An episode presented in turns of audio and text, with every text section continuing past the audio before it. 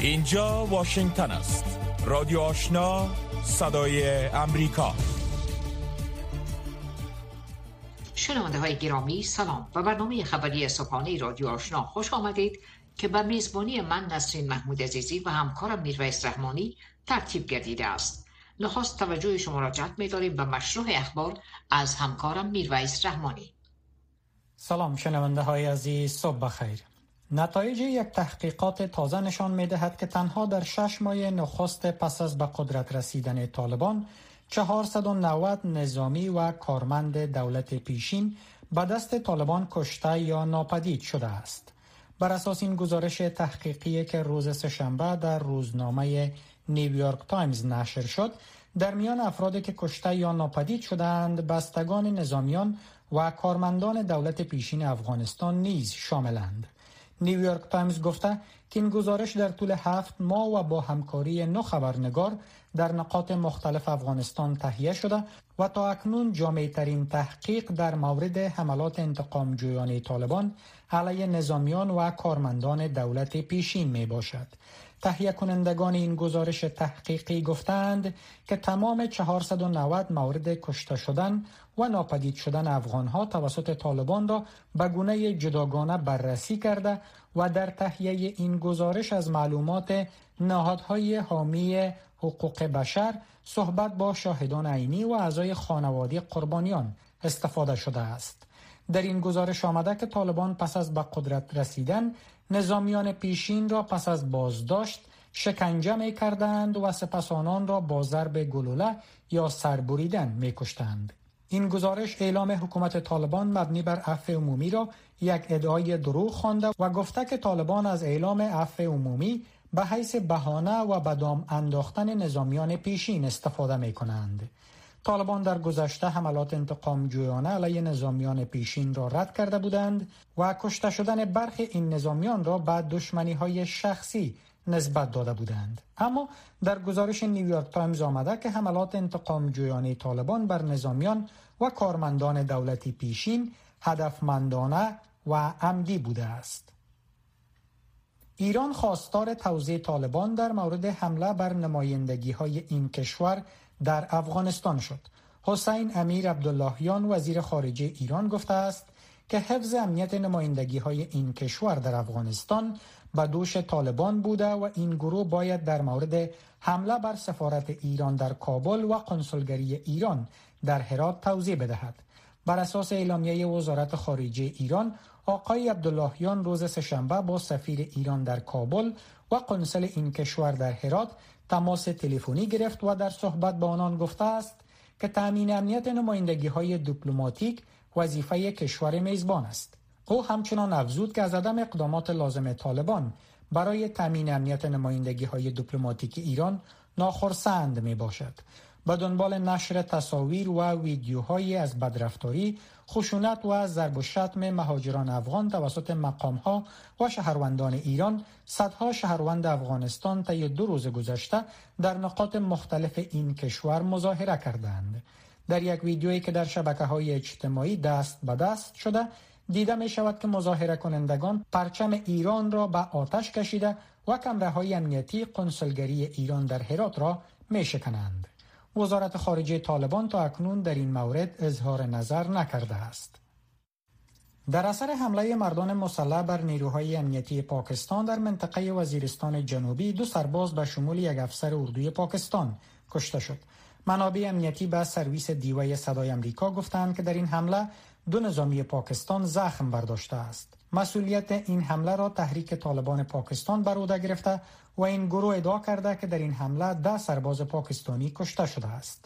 اردوی پاکستان تا اکنون در مورد این حمله به گونه رسمی ابراز نظر نکرده است. این حمله در حال صورت می گیرد که پس از تصرف افغانستان توسط طالبان حملات طالبان پاکستانی بر نیروهای امنیتی پاکستان افزایش یافته است. یک منبع نزدیک به شهباز شریف صدر جدید پاکستان گفته که حکومت جدید این کشور با چالش های جدی اقتصادی روبرو است. مفتا اسماعیل یکی از همکاران نزدیک شهباز شریف روز سهشنبه در یک نشست خبری گفت که حکومت امران خان یک وضعیت بد بی و سامان را از خود به جا گذاشته است. آقای اسماعیل که انتظار می رود به حیث وزیر مالیه حکومت شهباز شریف تعیین شود همچنان گفت که از سرگیری مذاکرات با صندوق بین المللی پول در صدر اولویت های حکومت جدید پاکستان است. شهباز شریف صدر اعظم جدید پاکستان نیز روز دوشنبه پس از انتخاب شدنش به قانونگذاران این کشور گفت که حکومت وی وضعیت بد اقتصادی را از امران خان به ارث می‌برد و به کسر بودجه بی سابقه در این کشور اشاره کرد. آقای شریف در نخستین روز کاریش دستور ایجاد شورای ملی مشورتی اقتصادی را به خاطر رسیدگی به بحران اقتصادی پاکستان صادر کرد. اردوی پاکستان می‌گوید که متوجه تبلیغات بر ضد این نهاد است. به دنبال برکناری امران خان از قدرت بسیاری حامیان وی در اعتراضات و همچنان رسانه های اجتماعی بر ضد اردوی پاکستان و جنرال قمر جاوید باجوا لوی درستیز این کشور شعار سر دادند. حامیان امران خان ادعا دارند که آقای خان با دخالت امریکا و توسط اردوی پاکستان از قدرت برکنار شده. اتهامی که واشنگتن و اردوی پاکستان آن را رد کردند. اردوی پاکستان روز سهشنبه با نشر اعلامیه گفت که هدف تبلیغات علیه اردو بدنام کردن آن و ایجاد اختلاف بین این نهاد و جامعه پاکستان است. در این اعلامیه بدون ذکر موضوع برکناری امران خان از قدرت آمده که اردوی پاکستان از موقف رهبری آن به خاطر حفظ قانون اساسی و حاکمیت قانون حمایت می کند. بسیاری مبصرین به این باورند که اردوی پاکستان نقش تعیین کننده در امور داخلی و سیاست خارجی این کشور به ویژه در قبال افغانستان و هند دارد. آیت الله علی خامنه ای رهبر ایران می‌گوید که آینده کشورش نباید وابسته به موفقیت یا ناکامی مذاکرات هسته‌ای با قدرت‌های جهان باشد. آقای خامنه ای روز سهشنبه همچنان گفت که روند مذاکرات به خاطر احیای توافقنامه هسته‌ای ایران به خوبی به پیش می رود. اظهارات رهبر ایران در حال بیان می شود که مذاکرات هسته‌ای این کشور با قدرت‌های جهان که در رسان امریکا قرار دارد از یک ما به این سو به بنبست رسیده است. ایران و امریکا یکدیگر را به نداشتن اراده سیاسی برای حل مسائل باقی مانده و عامل بنبست در این مذاکرات متهم می کنند. میخایلو پودولیاک مشاور رئیس جمهور اوکراین می‌گوید که مذاکرات صلح این کشور با روسیه بسیار دشوار است اما ادامه دارد. پیش از این ولادیمیر پوتین رئیس جمهور روسیه گفته بود که این مذاکرات به بنبست رسیده است. اما مشاور رئیس جمهور اوکراین گفت که روسیه می خواهد با همچو اعلامیه های علنی بر مذاکرات فشار وارد کند. او اظهارات رئیس جمهور پوتین را رد کرد و گفت که مذاکرات برای پایان دادن جنگ در اوکراین هنوز هم در سطح گروه های کاری ادامه دارد. در یک انکشاف دیگر قرار است مقام های وزارت دفاع امریکا امروز چهارشنبه با مقام های هشت شرکت بزرگ اسلحه سازی این کشور ملاقات کنند.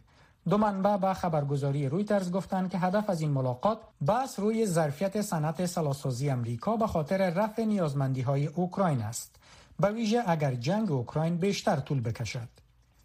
در اثر گلوله‌باری یک فرد مسلح در قطار زیرزمینی شهر نیویورک حداقل ده نفر زخمی شد. این رویداد صبح روز سهشنبه به وقت محل هنگامی که قطارهای زیرزمینی نیویورک مزدحم می باشد رخ داد. پلیس گفت که فرد مهاجم که یک ماسک ضد گاز بر صورتش داشت نخواست یک بم دودزا در قطار پرتاب کرد و سپس به گلوله‌باری آغاز کرد. پلیس عملیات را برای پیدا کردن و بازداشت مهاجم آغاز کرده و تا زمان تهیه این خبر فرد مهاجم که توسط پلیس یک افریقایی تبار توصیف شده بازداشت نشده بود پلیس نیویورک گفت که تا اکنون انگیزه این حمله روشن نیست اما با این رویداد به حیث یک اقدام دهشت افغانی برخورد نمی شود. پایان خبرها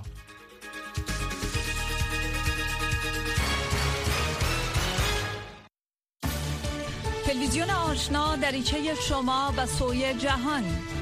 نه تنها در صفحه تلویزیون بلکه در صفحه اختصاصی فیسبوک تلویزیون آشنا. در وبسایت دری با آدرس voanews.com دری. در یوتیوب با آدرس ای افغانستان داری و در صفحه اینترنتی تویتر. تلویزیون آشنا در هر زمان و هر مکان پیوند دهنده شما با جهان. شنونده های گرامی اخبار افغانستان منطقه و جهان را از رادیو آشنا شنیدین. آن هم توجه نمایید به گزارش های صبح امروز. نخست از افغانستان آغاز می‌کنیم. بعد از برکناری امران خان پارلمان پاکستان و شهباز شریف در کرسی صدارت رأی اعتماد داد. کارشناسان سیاسی می‌گویند که آقای شریف افکار اسلامگرایی داشته و در حمایت از طالبان نیز راه سلفش را خواهد پیمود.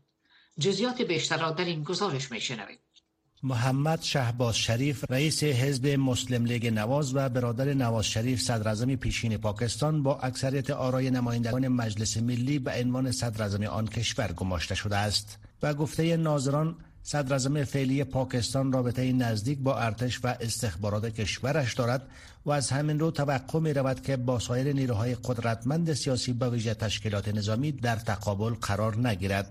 کارشناسان می‌گویند که آقای شریف با توجه به رابطه نزدیک با ارتش و استخبارات در مورد روابطش با طالبان پا از استراتژی اردو فراتر نخواهد نهاد.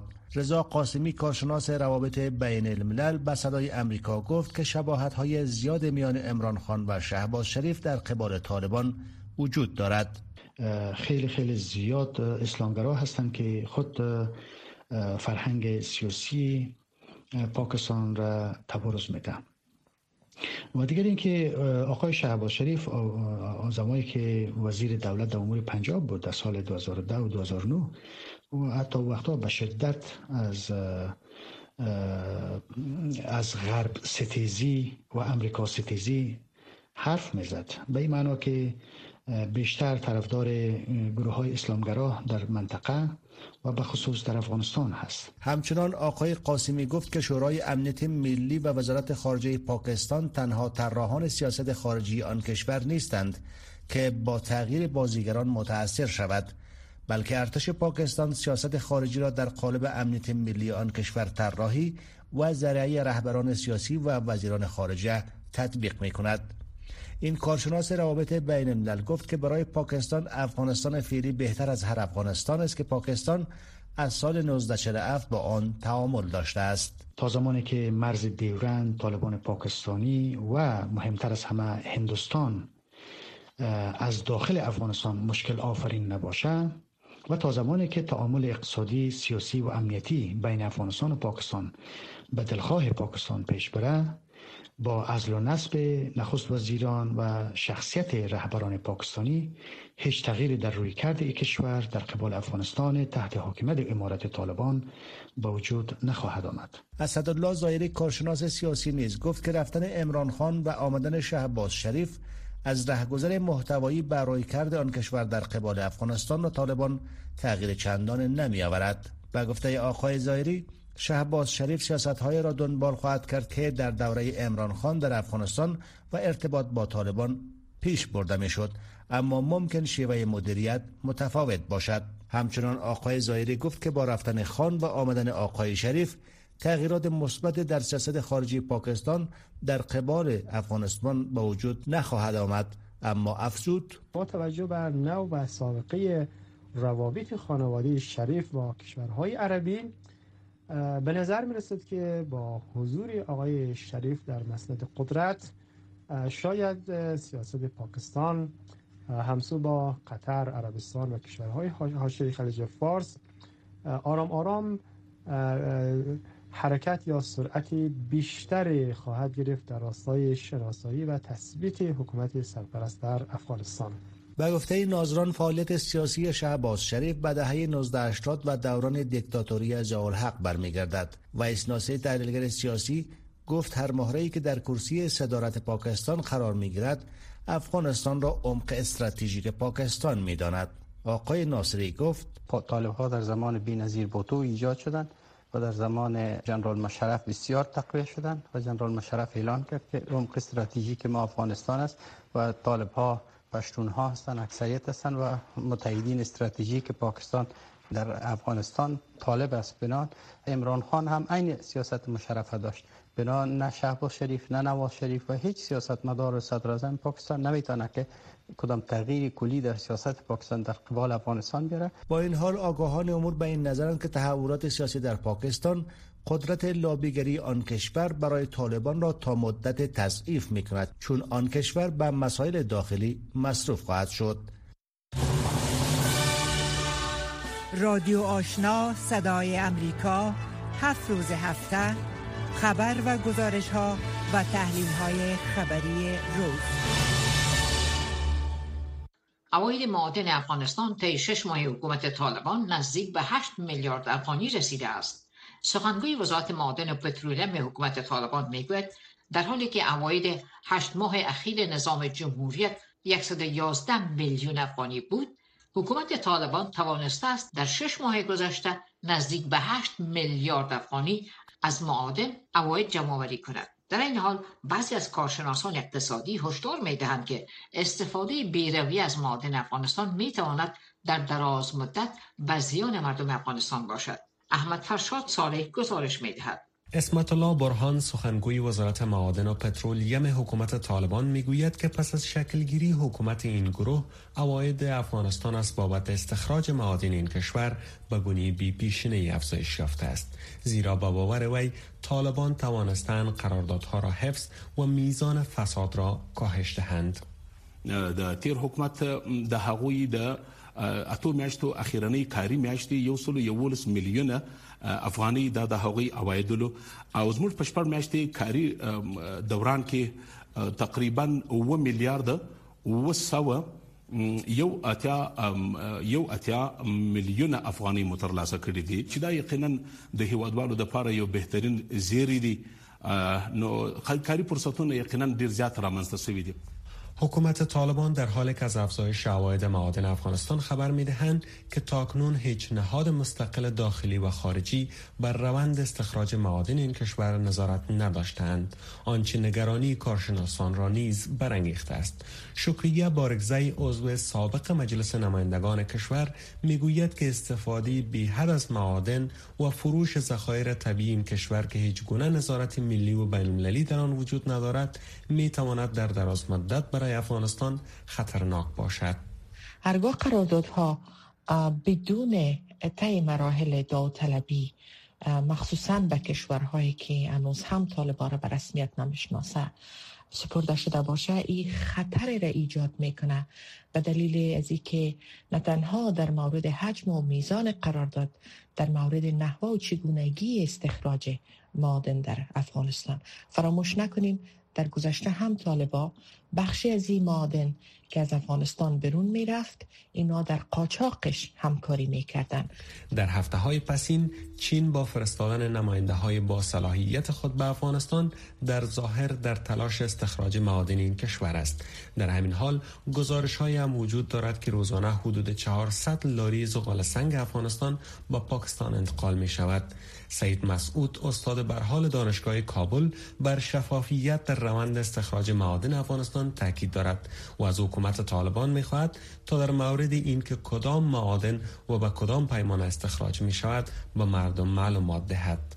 فکر می کنم مقدار فوق العاده بیشتر استفاده از این معادن باعث بلند رفتن عواید شده. با وجود که قبول می‌کنم که اندازه کرپشن کمتر شده ولی مقدار فوق العاده زیادتر است و وزارت معدن صنایع چنین چیزی رو تا هنوز اعلان نکرده که آیا چقدر مقدار را بیرون کشیده. کارشناسان نظامی و زمین شناسی آمریکا در سال 2010 تخمین زدند که خاک افغانستان به ارزش یک میلیارد دلار آمریکایی منابع سرشار طبیعی دارد. منابعی که برای توسعه افغانستان استفاده شود می تواند فقر را در این کشور از میان بردارد. صدای امریکا رادیو آشنا 100.5 اف ام.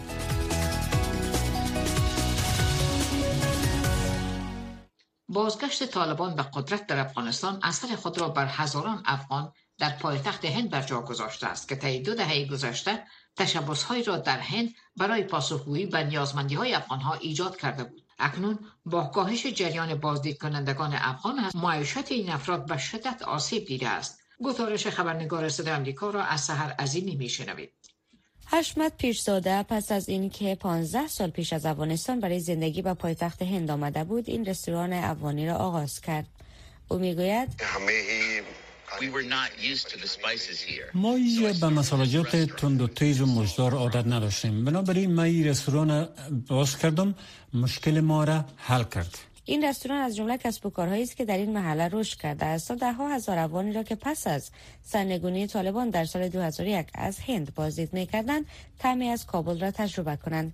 این منطقه به نام کابل کوچک معروف شد.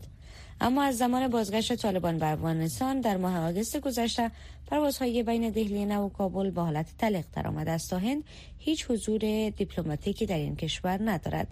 جریان بازدید کنندگان افغان نیز متوقف شده است.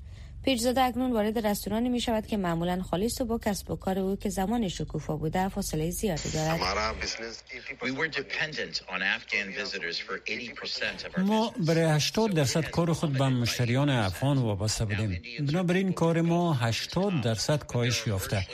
اکنون هندیا یا مردم کشورهای خلیج فارس میان اما عملا هیچ افغان وجود ندارن همین وضعیت در دواخانه ها، سوپرمارکت ها، غرفه های نانفروشی، کافه ها و مغازه هاست که با تابلوهای دری باعث می شود بازدید کنندگان افغان احساس کنند که در ملک خود هستند. بسیاری برای درمان صحی ارزان و برخی دیگر برای تجارت آمده بودند در حالی که هند در تلاش برای ایجاد جایگاهی در کشور به افغانهای بورسیه تحصیلی ارائه می‌کرد دانشجویان می توانستند در کالج ها ثبت نام کنند و افغانهای مقیم هند که زندگی خود را با این نوع تجارت های کوچک دوباره ساخته بودند خراب شده است. بسیاری از آنها پناهنده هستند و حدود 16 هزار نفر در هند زندگی می کنند مانند اجبل نظری که ده سال پیش برای فرار از درگیری در کشورش به دهلی نو آمد. او که کارمند دواخانه است می‌گوید کسب و کار ما ده فیصد از آنچه که پیشتر بود کاهش یافته. هیچ درآمد وجود نداره. هیچ کس هیچ کاری نمی‌کنه. در خانواده ما سه چهار نفر قبلا کار می‌کردن. ولی آل ما تنها هستم که کار دارم. اما حتی حقوق ما چل فیصد کاهش یافته. بسیار از مغازه ها بسته شدند. چهار طرف دکان های کنار جاده ای زمانی مزدهم بود. اما اکنون متروک هستند. آنها همچنین نگران دوستان اقوام در خانه هستند. حشمت پیرزاده مالک رستوران دهلی کابل می‌گوید ما هیچ کلمه برای توضیح احساسم ندارم. اون چیزی که در دل است در دل بانه. آنها هرچند از افغانستان دور هستند اما حوادث پرفراز و نشیب وطنشان که سالها پیش آن را ترک کردند بار دیگر آنها را متاثر ساخته است. رادیو آشنا صدای امریکا. منبع موثق خبرها و گزارش های جهان و افغانستان. انتظار می رود آسترالیایی ها زمانی که در انتخابات عمومی در 21 ماه می رای می دهند اقتصاد امنیت و تغییرات اقلیم از جمله مسائل کلیدی آن انتخابات باشد. سکات موریسون و روز یکشنبه بعد از دیدار با والی ارشد ایالتی استرالیا در کانبرا این تاریخ را اعلام کرد. فیلم مرسل خبرنگار امریکا از سیدنی گزارش دارد که لیلما حبیب عظیمی به توجه میرساند. کارشناسان می‌گویند رسیدگی به بیماری همگیر ناشی از کووید 19 و مسایب آفات طبیعی و همچنین امنیت ملی تغییرات آب و هوایی و مراقبت های صحی همگی بر رای دهندگان استرالیایی تأثیر گذار خواهد بود. اما آنها معتقدند که انتخابات 21 ماه می در نهایت با یک موضوع تعیین می شود و آن بهبودی اقتصاد است. دولت ائتلافی راست میانه رو به رهبری اسکات موریسن صدر اعظم استرالیا به دنبال چهارمین دوره خود است. در حالی که حزب مخالف کارگر امیدوار است برای نخستین بار از سال 2013 تا کنون در انتخابات فدرال پیروز شود. نظرسنجی ها حاکی از شکست موریسن است. با این حال صدر اعظم زمانی که در انتخابات معروف به معجزه در سال 2019 پیروز شد پیش بینی های نظرسنجی ها را زیر پا گذاشت. ان رشتن سخنگوی کمپاین انتخاباتی دولت که وزیر خدمات اجتماعی هم است معتقد است که فرصت و شانس آن برای برنده شدن در 21 ماه می خوب به نظر می رسد. آنچه که من کاملا روی آن متمرکز هستم و دولت روی آن تمرکز دارد این است که با استرالیایی ها درباره برنامه ما برای یک اقتصاد قوی و یک آینده قوی بگوییم. من فکر می کنم تقریبا در هر معیار بهبودی استرالیا از همهگیری جهانی بوده است. اما می دانید ما کاملا بر این متمرکز هستیم که برنامه خود را برای آینده به عموم مردم استرالیا بگوییم و مطمئن شویم که آنها درک می کنند که ما در این قسمت سابقه بسیار قوی داریم. انتونی البانیز رهبر اپوزیسیون حزب کارگر است که خود را یک آلترنتیف و گزینه سنجیده و آرام پیشرو برای ائتلاف محافظه کار حزب حاکم معرفی می کند. او قول اقدام قاطع را برای مهار کردن گرمایش جهانی می دهد و می گوید ما تغییرات آب و هوا را جدی خواهیم گرفت و آن را به عنوان یک فرصت و نه فقط یک آزمون می نگریم. شما تا سال 2030 82 درصد انرژی های تجدید پذیر را خواهید داشت. بیش از 600 هزار شغل جدید ایجاد می کنید و قیمت انرژی را کاهش می دهید. ما از آن برای ایجاد صنایع جدید به ویژه برای ایجاد مشاغل در بخش تولید استفاده خواهیم کرد. شایان تذکر است که اسکات موریسن اولین صدر اعظم استرالیا است که از زمان جان هاورد در سال 2007 تا کنون برای یک دوره کامل در این سمت حضور داشته است صدر اعظمان قبلی در هر دو جناح سیاسی قربانی کودتای درون حزبی شده اند.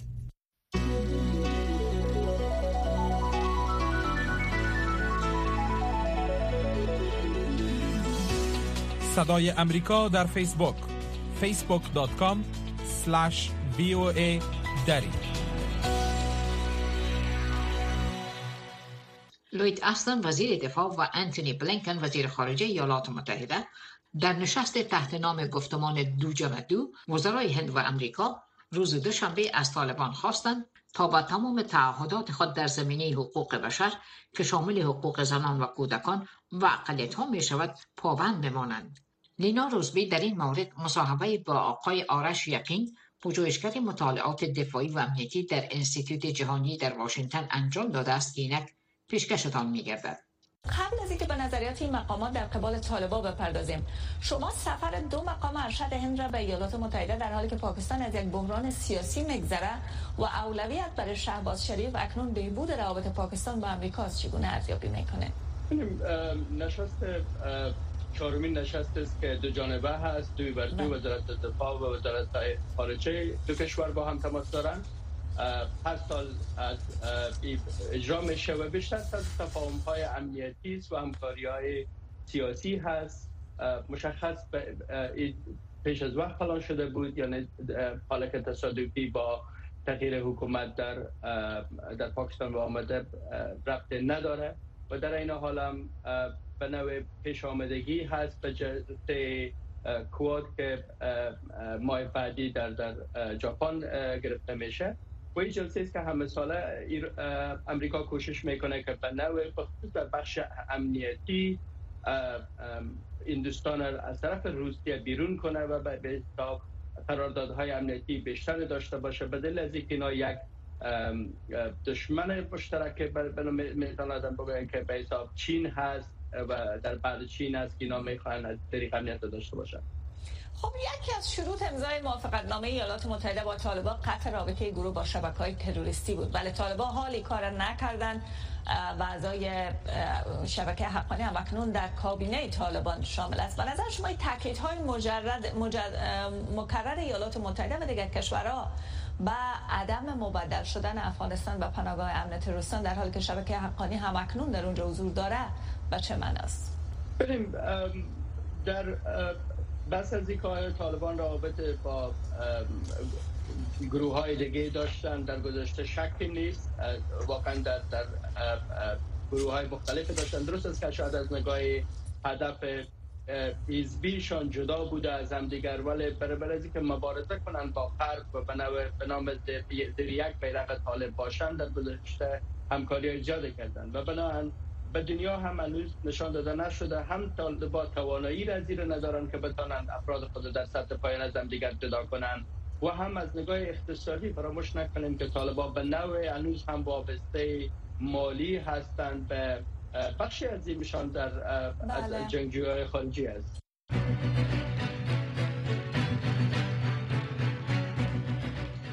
شنوندگان گرامی در اینجا می رسیم به پایان بخش دوم برنامه صبح امروز رادیو آشنا.